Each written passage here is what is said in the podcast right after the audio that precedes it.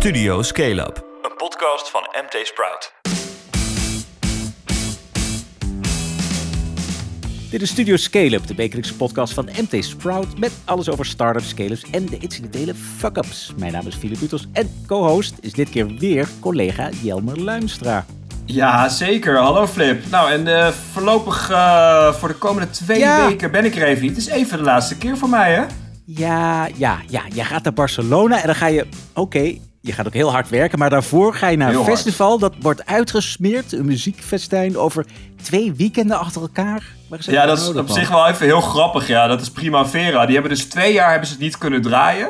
En ze dachten zoiets van, ja, laten we dit jaar dan gewoon twee dubbele edities draaien. Zodat we iets Ah. van de schade gaan inhalen. En wij zijn zo gek om het gewoon te doen. We hebben zoiets van, ja, even weer losgaan. Ja. Oké, Ja. dus het is dan vrijdag, zaterdag, zondag. Dan een week om, om te detoxen. En dan weer vrijdag, zaterdag, Nou, zondag. was het maar zo'n feest. Want in de tussendagen is er ook nog allemaal programmering. Dus het, wordt, eh, het worden tien Oh, dolle dagen, zeg maar. Ah, het is gewoon een week. Ja. Man, man, man. Nou ja, Tien nee, dagen, fijn, ja. fijn dat de festivalsector, die, die dragen wij het warm hart toe natuurlijk, dat die weer lekker draait. Ja, zeker. Ehm, nou, heel in het klein met hemelvaart kan ik ook mijn lol op hier, is eh, de rollende keukens. Dus de, de- mijn hele stadsdeel wordt afgezet. Ik kan mijn auto niet meer kwijt, hoef gelukkig ook niet meer. ah, Soms ja, mag je niet eens je eigen straat in, want die is dan afgezet, want de rollende keukens.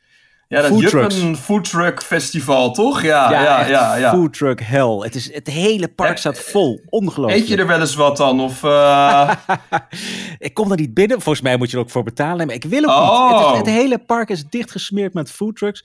Plus eh, de infrastructuur eromheen. Dus plays en muziek en ellende. Nee, nee, nee. Jij haalt wel een echt, eh, patatje. ah, precies. Of misschien zelf koken. Of ik bestel iets bij ehm, thuisbezorgd. Die kunnen ook wel een bestelletje gebruiken. ja, Nou ja. of iets bij Gorillas.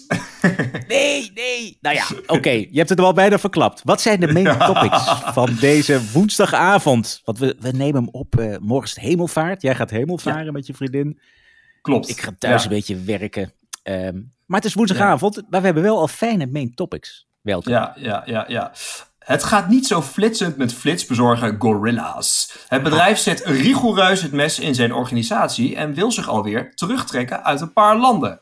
Dat En dan, ja, als tweede item. ING stapt in bij Bolt King, het scheermesjesmerk van Roshdi Darachi. Een bijzondere kerel die in zijn vrije uurtjes jongeren coacht. Hmm, we gaan beginnen.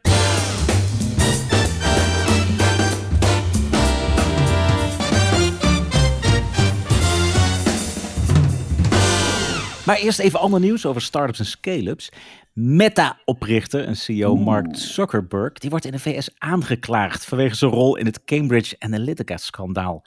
Je weet het vast nog wel, dat bedrijf dat verzamelde gegevens van nou, 87 miljoen Facebook-gebruikers voor de presidentscampagne van Trump.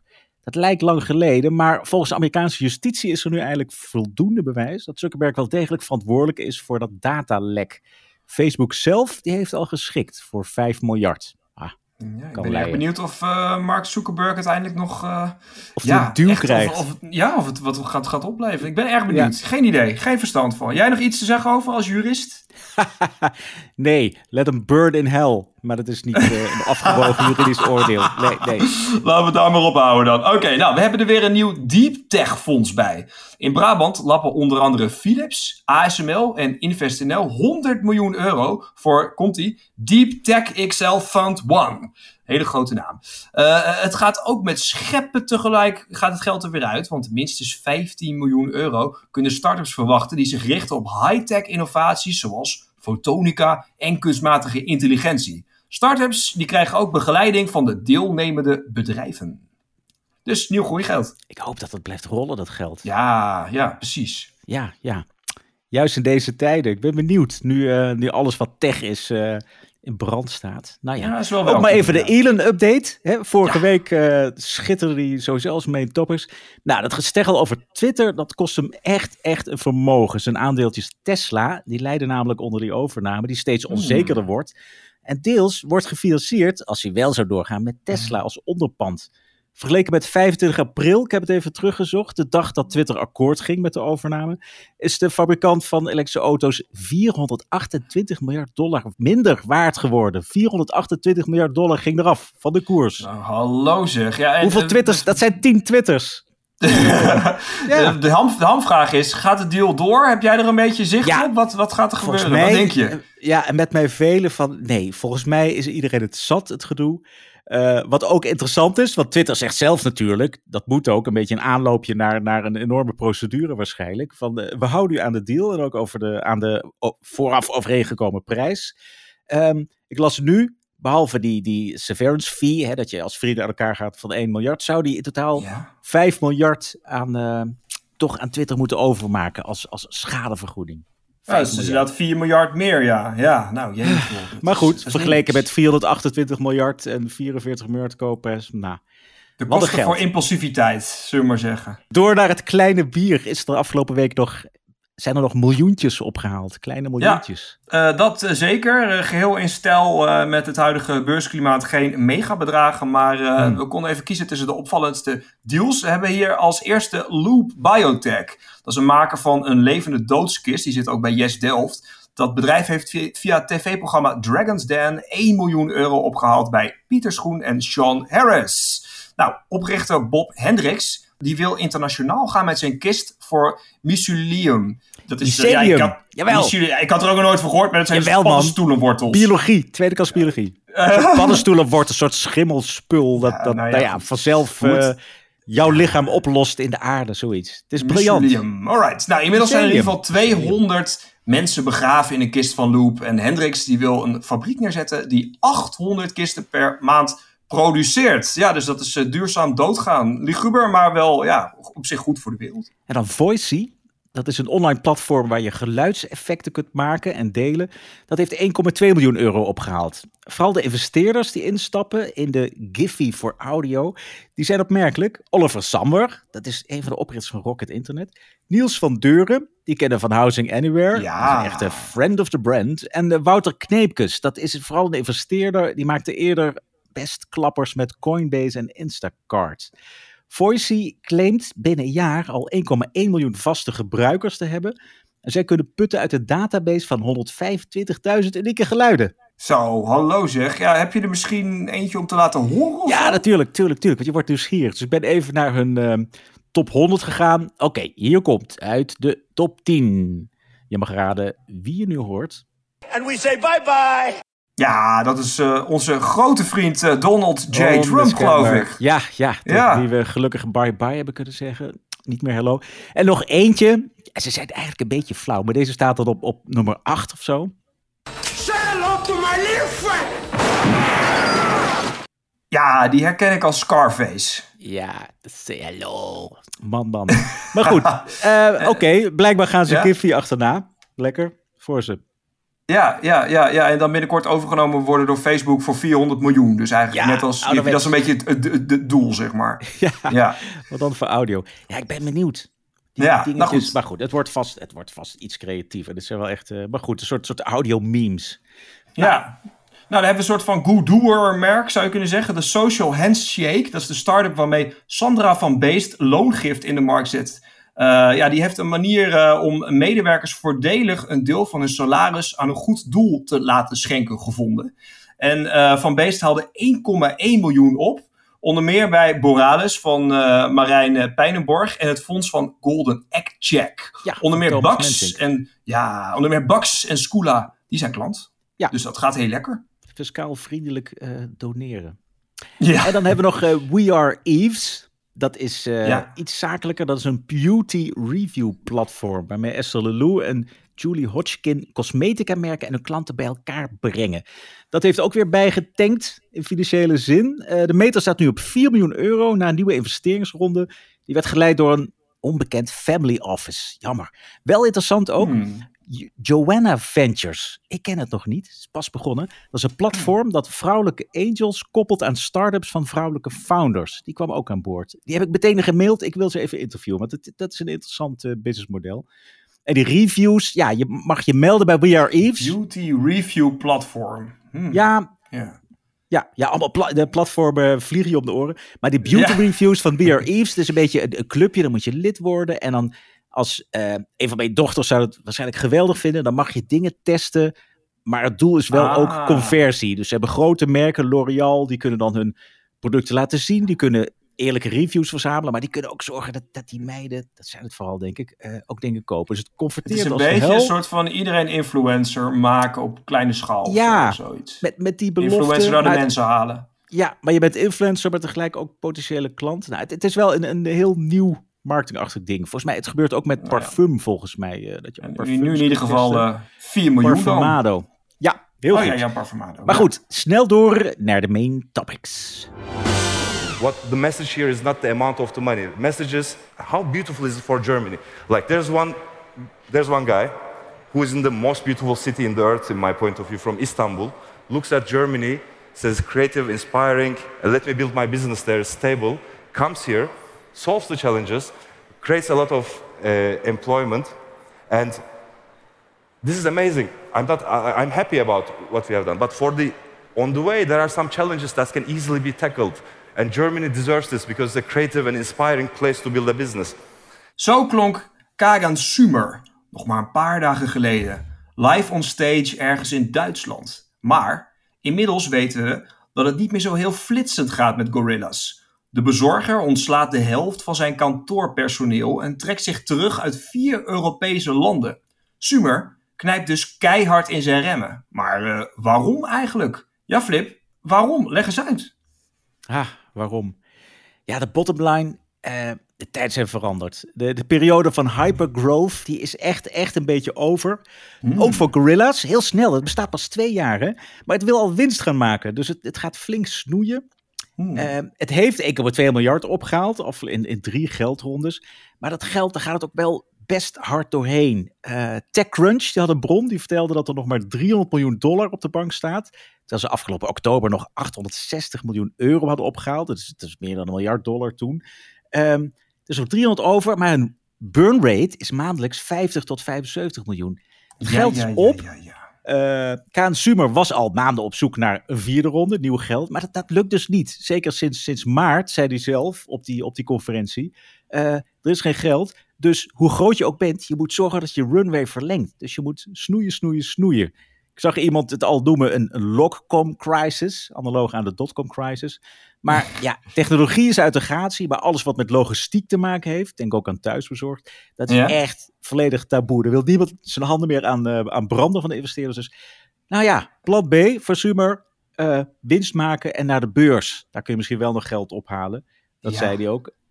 Dat wordt Ja. de volgende mijlpaal. Eh, zodra we winstgevend zijn, eh, nou ja, eh, Dan- succes dan- daarmee. Dan gaan we naar de beurs. Ja, dan moet hij inderdaad ook stoppen met korting geven. Oké, maar wat zijn precies de maatregelen die hij nu neemt om, eh, om het Ja. allemaal wat in goede banen te krijgen? Ja, be- best pijnlijk. Eh, er gaan 300 mensen uit op het, op het eh, headquarters. Haupt, wat is dat? Hauptbureau. Geen idee hoe dat Oh, heet. het klinkt wel heftig, Presidium? ja. Maar met in het presidium. Ja, Iets van 320 mensen gaan eruit. Dat is de helft van de mensen die er zaten. Dat Hmm. geeft ook aan, ja, blijkbaar, de organisatie is niet meer op groei gebouwd. Dus die staf heb je Nee. allemaal niet meer nodig.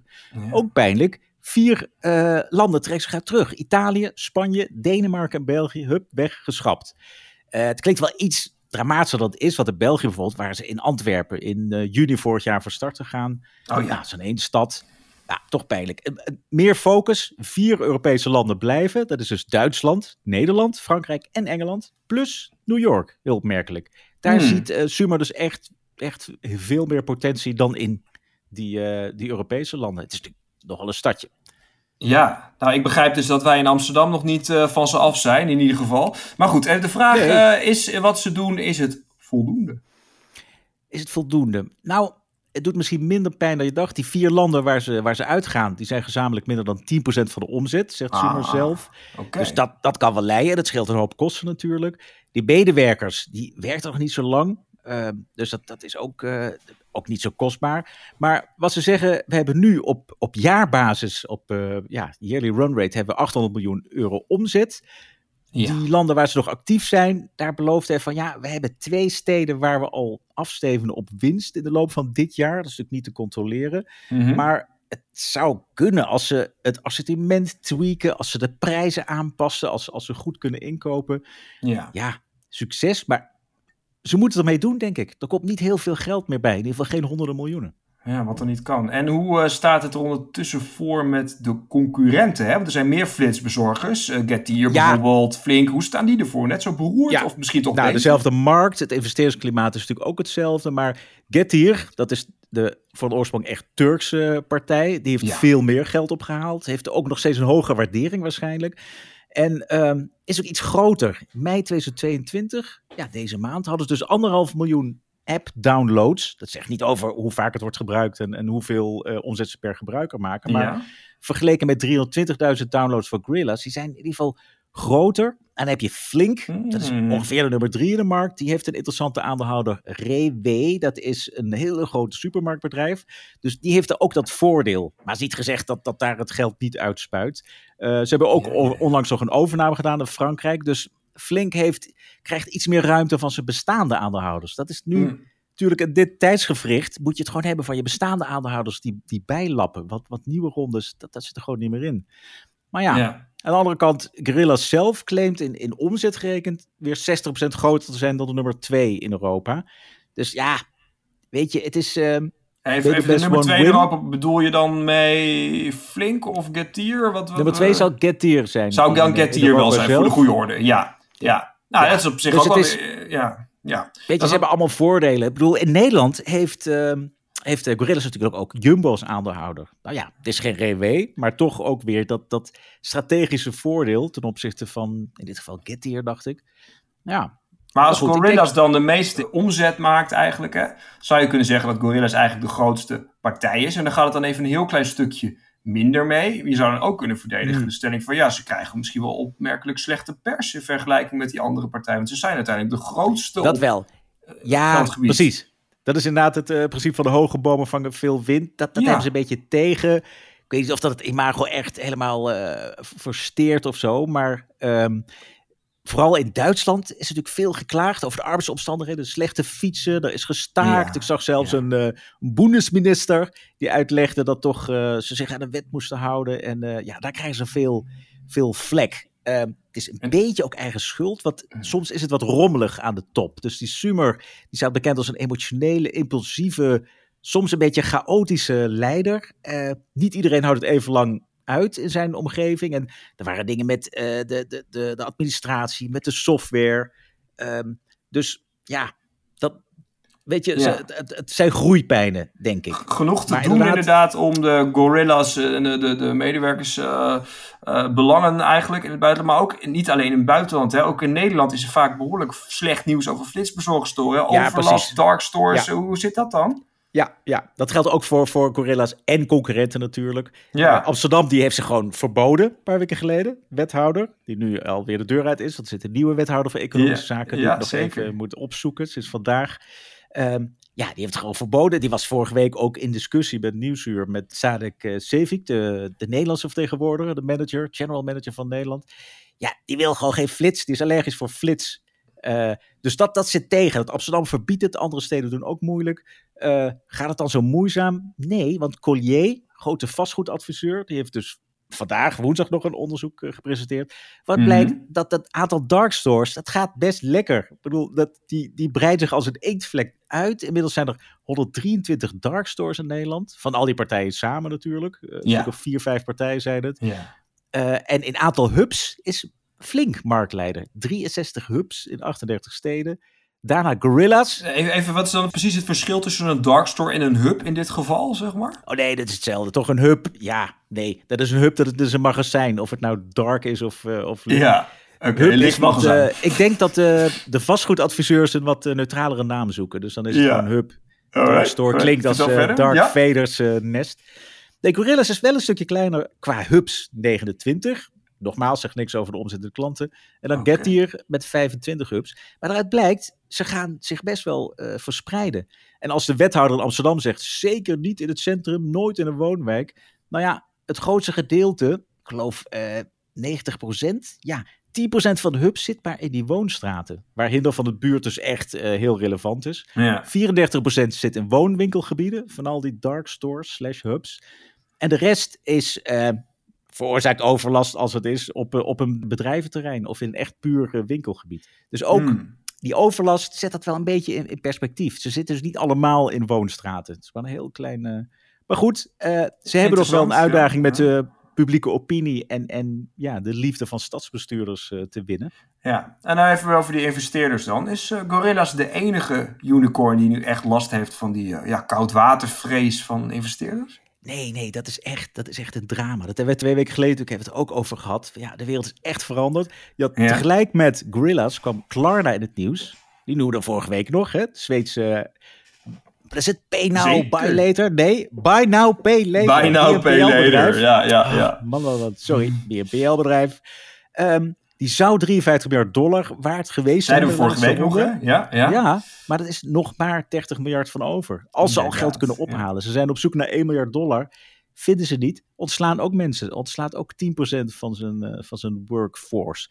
Dus eigenlijk, ja, we, gaan, we kunnen er denk ik wel elke week een paar gaan noemen. Grote techbedrijven, unicorns ook, die gewoon echt eh, de buikriem moeten aanhalen, moeten bootstrappen, omdat het geld gewoon niet meer komt. Tech gaat in de ban. En dan wil ik afsluiten. eh, eerst nog even met Y Combinator. Die heeft echt een mail gestuurd aan, aan al zijn, ehm, ja, al zijn portfoliobedrijven. Want het is natuurlijk ook echt een, eh, een, een investeerder ook. Met een paar tips van wat moet je doen. Nou, bottom line is toch wat wij ook zeiden. Ga bootstrappen. Probeer de runway te verlagen. Eh, snij in je kosten. Als je nog geld wil ophalen binnen nu en, en nou, vergeet het maar binnen nu en 24 maanden. Als je geld bij je huidige investeerders kunt ophalen, doe dat snel. Want over een paar maanden eh, hebben die ook geen trek meer. En wat heel eng klinkt is eh, dat ze zeggen: No one can predict how bad the economy will get, but things don't look good. Ah, de echte afsluiter is, eh, is eigenlijk aan, eh aan Kaan Sumer zelf. Die zei het volgende op, op die conferentie in, in Duitsland een paar dagen geleden. Luister maar even. everything will change. So we need to look at today's context. I mean, last twen- 24 months, federal federal reserves they were they were giving injecting money in the market. This created high interest rates, high inflation, and created greed. Most importantly, everyone was getting money. Every valuation was super high, and we also benefited from that to, to a certain degree. But now, with what's happening in the market, May, March, March, first time decline, yeah? So Saigon also said it's like the worst opening of the year. And this is, in my point of view, this is gonna continue. Um, so what's gonna happen is greed will be replaced with reasoning. And reasoning means legit, profitable business. And we're gonna, as a company, we are going towards that and we have a super clear plan on how to do that. Door naar het volgende topic. Ik was op zoek naar een mesje om mijn eigen eh, haar op mijn hoofd eh, mee te scheren, maar dat kon ik niet vinden. Ehm, en ik, er waren ook een aantal dingen in het aankoopproces waar ik me aan, eh, aan ergerde. Eh, moeilijk te openen verpakkingen, eh, niet schoon te maken mesjes omdat ze heel dicht op elkaar zaten. Toen dacht ik van daar moet wel iets beters op te verzinnen zijn. De investeringstak van ING heeft voor een onbekend bedrag belang genomen in scheermesjesproducent Bolt King van Rosdi Darazzi, die je net hoorde. Met dat groeigeld wil de oprichter een plek veroveren in de schappen van Europese drogisterijen en supermarkten. Weer een toffe stap van een best opmerkelijke ondernemer. Jelmer, heb jij nou enig idee hoeveel ING nou precies heeft eh, gestort? Nou, dat is officieel natuurlijk onbekend, maar in het eh, bericht van het Financieel Dagblad eh, eh, wordt gesteld dat ING Corporate Investments, dus de investeringstak van ING doorgaans 2,5 tot 10 miljoen euro investeert. Nou, dat kan dus eh, twee kanten uitgaan. Nou, kijk je naar de Serie A-ronde die Bolt King in 2019 heeft opgehaald, bij onder andere Slingshot Ventures. Eh, toen hebben ze 10 miljoen euro opgehaald. Dus er is, zou je kunnen zeggen, ook een goede kans dat deze investering dichter bij de 10 miljoen zit dan bij de 2,5 miljoen. Ehm, ja, en toen ik uh, Rushdie in 2021, in december, vorig jaar dus, uh, sprak, Ja. toen zei hij ook dat de 10 miljoen euro nog niet eens op was. Dus uh, ja, ik ben Ja. benieuwd of dat misschien een half jaar later uh, weer anders is. Maar, Nee, deze week nou ja, ook. Zei hij ook van. Ja, hij zei van ik zat er niet hard om te springen, maar het is natuurlijk welkom. Maar volgens mij zat hij in een redelijk comfortabele positie nog. Past uh, in het patroon inderdaad. Ja. En het ING, ik zat ook te kijken van wa- wat is ING Corporate Investments? Ja, het is toch een soort private equity tak. Niet dat ze echt met tientallen miljoenen Ja, tegelijk, maar ze zitten ja. bijvoorbeeld ook in het bedrijf met de welluide naam On That Ass. Dat is die onderbroekenmaker. Die Ja, ook wel eens jij al eh, over, ja. in de. Challengerslijst. Ja, On That Ass. Ja, nou ja, ze zitten waarschijnlijk in consumentenmerken. Prima voor ze. Maar het, ehm, waar, waar Roche echt mee begonnen is, is een abonnementsmodel. Hè? Scheermesjes op abonnement. Loopt, Ja, dat, dat, loopt dat eh, nog steeds zo goed? Is dat nog steeds het model? Nou, niet, eh, niet alleen, eh, maar of, eh of Bolt King in het algemeen, dat, dat, dat gaat best wel heel aardig. Het bedrijf bestaat sinds eh, 2013. Vorig jaar was er nog wel een verlies van 1,6 miljoen euro, begrijp ik. Maar Darachi die zegt aan het FD dat het dit jaar voor het eerst winstgevend wil zijn. Nou, willen ze dat dan doen? Door minder in te zetten op marketing, door middel van bijvoorbeeld kortingsacties. Hè. Dan kun je die schermesjes kun je vaak vrij goedkoop eh, online vinden via, via kortingsacties. Ehm, het bedrijf heeft 750.000 klanten in 11 landen. Communiceren ze eh, althans. Opvallend, want eh, het is hetzelfde aantal wat ze nu communiceren als toen ik ze in december sprak. Maar nou ja, dat zal zo zijn. Hoeveel nou precies abonnement is, hoeveel online en hoeveel winkelverkoop, dat kan ik niet zeggen. Maar het lijkt er toch wel een beetje op dat, dat, de, dat de directe verkoop, dat dat wel een groot gedeelte aan het worden is. Retail. Zo'n abonnement, ja, de Ja. retail en dan zowel online als offline eh, retail. Maar Ja. zo'n abonnement in het algemeen op, eh, op scheermesjes, dat, dat is toch wel een, een cocktail voor een potentieel succesvol iets. En dat is al eerder gebleken door de Californische partij Dollar Shave Club. Dit bedrijf dat had in, ik geloof 2015, een omzet van 152 miljoen dollar. Kun je nagaan, hè? Lekker. En het jaar, ja, het jaar daarop is het bedrijf eh, verkocht naar Unilever voor zelfs 1 miljard dollar. Ja. En eh, ja, dat is ook echt een van de grote voorbeelden volgens mij voor Rushdie. Die vond het in de tijd een fantastische erkenning, zei hij toen Ja, precies, Sprout. precies. Volgens mij heb je Ja. hem toegebeld. Want ik dacht van jeetje, dat abonnementsmodel. Dat als Unilever dat gaaf vindt, of vindt Procter Gamble of wie dan ook, vindt het ook gaaf. En dat Ja. maakte zijn bedrijf toen al heel veel geld waard eigenlijk. Maar Ja, daar heeft hij dus het eigenlijk abonnementsmodel. kans gepakt, ja. ja. Ja, dus oké, laten we zeggen dat hij het combineert. Abonnementsmodel, waar iedereen toen zo wild van was met, eh met eh, rechtstreekse verkoop, losse verkoop zou ik maar zeggen. Want ik zag ze ook bij de ethos liggen. Ik scheer Ja, ja, hoofd dat- elektrisch, maar ik zag ze wel liggen. Ja, dat, dat klopt inderdaad. Ja. Eh, en ze zouden zelfs met meer Nederlandse winkeliers ook in gesprek zijn.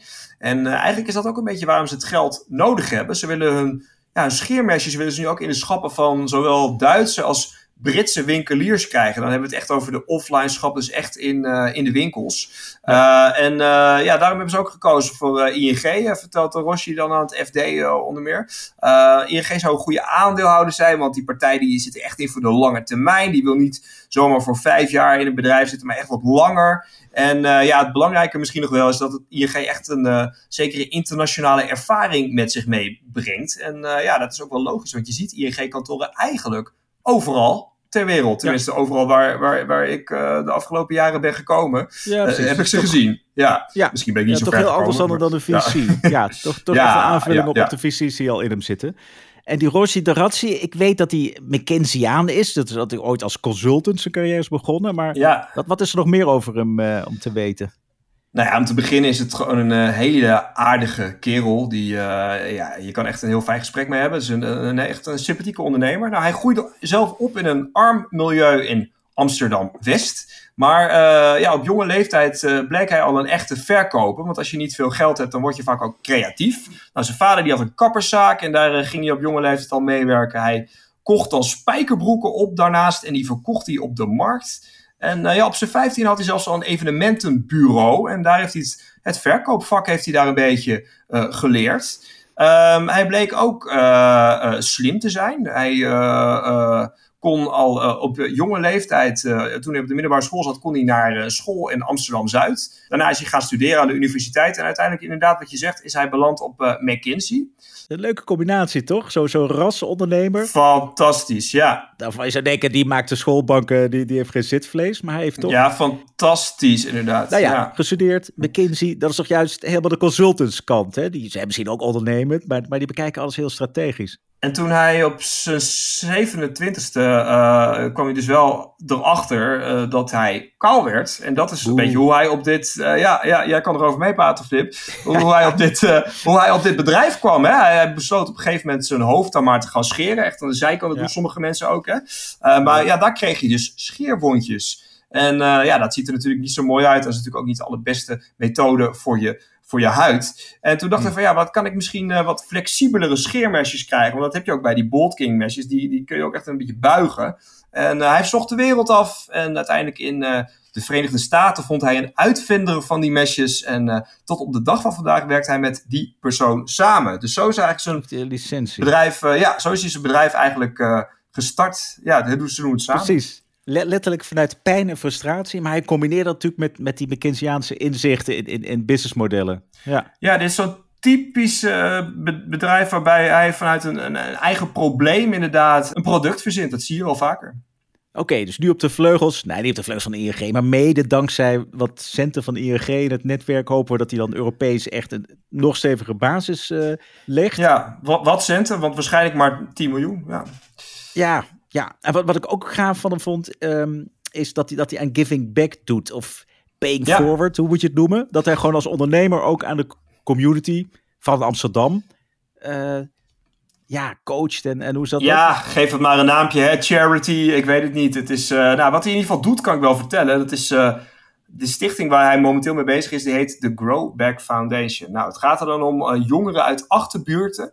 Die coacht hij en die brengt hij ook in contact met andere jongeren, eh, voornamelijk eh, voormalige jongeren uit achterbuurten, die inmiddels succesvol zijn geworden. En op die manier krijgen die jongeren een beetje een soort van rolmodellen. Dat ze zien van, oh kijk, eh, die is, heeft het ook gemaakt. Die Roche die is succesvol geworden, dat kan ik ook. En dan hoeven ze niet bijvoorbeeld de criminaliteit in, wat natuurlijk altijd wel een klein beetje een risico is als je in een moeilijke buurt en in een arm milieu opgroeit.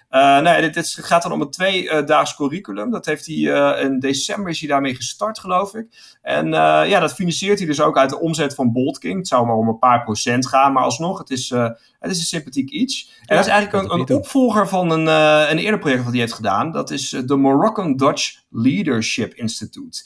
Dat, dat instituut dat heeft maar liefst eh, 8000 Marokkaans-Nederlandse kinderen eh, geholpen bij een voorbereiding op een CITO-toets. En ehm, ja, toen hielp hij dus eh, nadrukkelijk Marokkaans-Nederlandse kinderen. En nu doet hij bij het nieuwe project doet hij het ook wat algemener. Doet hij iedereen uit wat, wat moeilijkere, ingewikkeldere eh, eh, milieus. Ja, precies. Etniciteit maakt niet uit. Nee. Ehm, ja, hij is daar eerder mee gestopt. Wij, vonden, wij vroegen hem toen ook al van, van ja, waarom, waarom, waarom sta je daar mee gestopt? Dat is wel, wel een beetje jammer, niet? Het werd, werd toch wel wat te druk voor hen. Want hij heeft het samen met drie anderen gedaan. En het was toch uiteindelijk een vrijwilligerscentrale. Dus ze zijn daarmee gestopt. En dat Grow Back Foundation project zou je een beetje kunnen zien dus als het vervolg. Ze willen hier zelfs internationaal mee gaan. Ja, cool zeg. En die, die drive om iets terug te doen, is dat, heeft dat iets eh, toch met zijn jeugd te maken of zo? Nou ja, wat hij zelf zegt, ik, ik vroeg me ook van, ja, waar, waar, van waar doe je dat? Natuurlijk heel sympathiek, maar eh, ja, zoals jij ook zegt, je kan het ook niet doen. Hij zegt, nou ja, zo, zo eh, ben ik opgevoed. En hij zegt, van, hij in mijn opvoeding gold het van, als het goed met je gaat, dan heb je ook de verantwoordelijkheid om anderen te helpen. Dus eigenlijk gewoon een beetje ja, klassiek eh, sociaal-democratisch zou je kunnen zeggen. Ehm, maar hij heeft, daarnaast heeft hij ook gezien met eh, eh, jeugdvrienden die hij zag, die hij vroeger had. Daar is niet altijd goed mee afgelopen. Want sommige mensen die, die zijn de crim- drugscriminaliteit ingegaan. Eh Er zijn mensen die in de cel zijn beland. Uh, sommigen die zouden niet eens meer leven. En uh, ja, dus zegt hij ook inderdaad, wat ik ook eerder al zei, die hebben rolmodellen nodig. En ja, daarom dus ook die, die initiatieven om te hopen dat de nieuwe generatie weer een mooie toekomst tegemoet gaat. Ja, nou, daar kunnen we natuurlijk alleen maar voor zijn. Richting vindt, richting geeft aan zijn leven. Ja, zeker. Want ik zag hem ook, MT Sprout heeft zo'n Inclusive 30 van mensen die echt uh, inclusiviteit, diversiteit in, in het bedrijfsleven, de PV Nederland verder helpen. Daar zag ja. zijn naam ook uh, staan als ondernemer. Uh, was hij daar zelf heel trots op toen jij hem sprak in december? Ja, nou ja, hij kan daar natuurlijk in, omdat hij uh, inderdaad dit soort projecten doet. En zelf natuurlijk ook een, uh, een Marokkaans-Nederlandse uh, achtergrond succesvol, heeft. voorbeeld is. en natuurlijk ja. absoluut een succesvol voorbeeld. Maar Wel of hij daar veel ja. mee had, ja, nou eigenlijk niet zo per se hoor. Hij zei mij dat hij daar, ja, leuk dat hij erin staat, maar hij is er niet zo erg mee bezig. Letterlijk zei hij ook van, ja, weet je, ik meet me eigenlijk gewoon met de beste, punt. Niet met hmm. uh, de beste naar een bepaalde achtergrond. En dat vond ik ja. eigenlijk wel een heel mooi citaat. Want gelijk heeft hij ook eigenlijk, toch? Ja, wat, uh, wat, maakt ja. het ook uit allemaal? En, uh, ja, ik denk een, een, hele sympathieke gast. En eh, laten we het goed in de gaten houden. En ik hoop dat hij de Dollar Shave Club achterna gaat. Dat we gewoon eh, straks een, een, miljardair erbij hebben. Ergens in de ja. 500. Ja, dan moet hij dus wel een omzet van 152 eh, miljoen dollar zien klaar te spelen. maar, ja, en een waardering. En een waardering een ouderwetse waardering uit 2016 was het, ja. Ja, ja, ja, die ooit nog ja, ja. terugkomen, die waardering. Ja, nou, misschien kan hij Oh. toveren. Ja, Zeven magere jaren. Nou ja, als hij de komende jaren overleeft, dan eh, gaan die waarderingen ook weer eindelijk een keer omhoog. zeker, zeker. Dit was Studio Scale-up, aflevering 53. Vergeet je niet te abonneren op Spotify of je favoriete podcast-app. Deel de podcast ook vooral met je vrienden. En kom met feedback of vragen. philip.mtsprout.nl Jelmer, bedankt dat je er was. Heb je nog famous last words voordat je naar Barcelona duikt in dat, dat rare festival-orgie-ding van anderhalve week? ja, ik ben eh, deze dagen en eh, morgen ook en whatever nog druk aan het schrijven. Want er zijn nog een paar stukken. Eh, wat maandag nog op de website komt, is misschien nog wel even leuk te melden. Een interview wat ik maandag heb gedaan met Joris Luijendijk over de Hey. zeven vinkjes. Nou, ik dacht, het is een goede kans dat eh vele van onze luisteraars die ook zouden hebben. Ik heb ze zelf Waar? Geval wel, alle zeven. Dus ik denk een eh, nuttig lesje privileges op de werkvloer. Ja, weet je, en ik moet nog even verwijzen naar de show notes voor jouw eh, prima interview met uh, Rossi de Razzi. Oh ja, En ik zet ook even dat Y Combinator, die, die mededeling aan, aan al die portfoliobedrijven, die ook geldt voor alle startups en scalers, ook in Nederland. Wat te doen nu de wereld definitief veranderd is. Althans de komende twee jaar. Nou ik begrijp het alweer. Al onze luisteraars die hebben genoeg te lezen de komende tijd. Man, man, man. En ik ga maandag dus eh, Joris Luidijk. Het boek heb ik gelezen. Ja, eh, weet je, prima, zo is het. het Ja, is, toch? eh, Ja, ja, ja, ja. ik vond het ook wel goed eigenlijk. Ja. guilty Ja. as charged. Oké, tot de volgende keer. Hoi.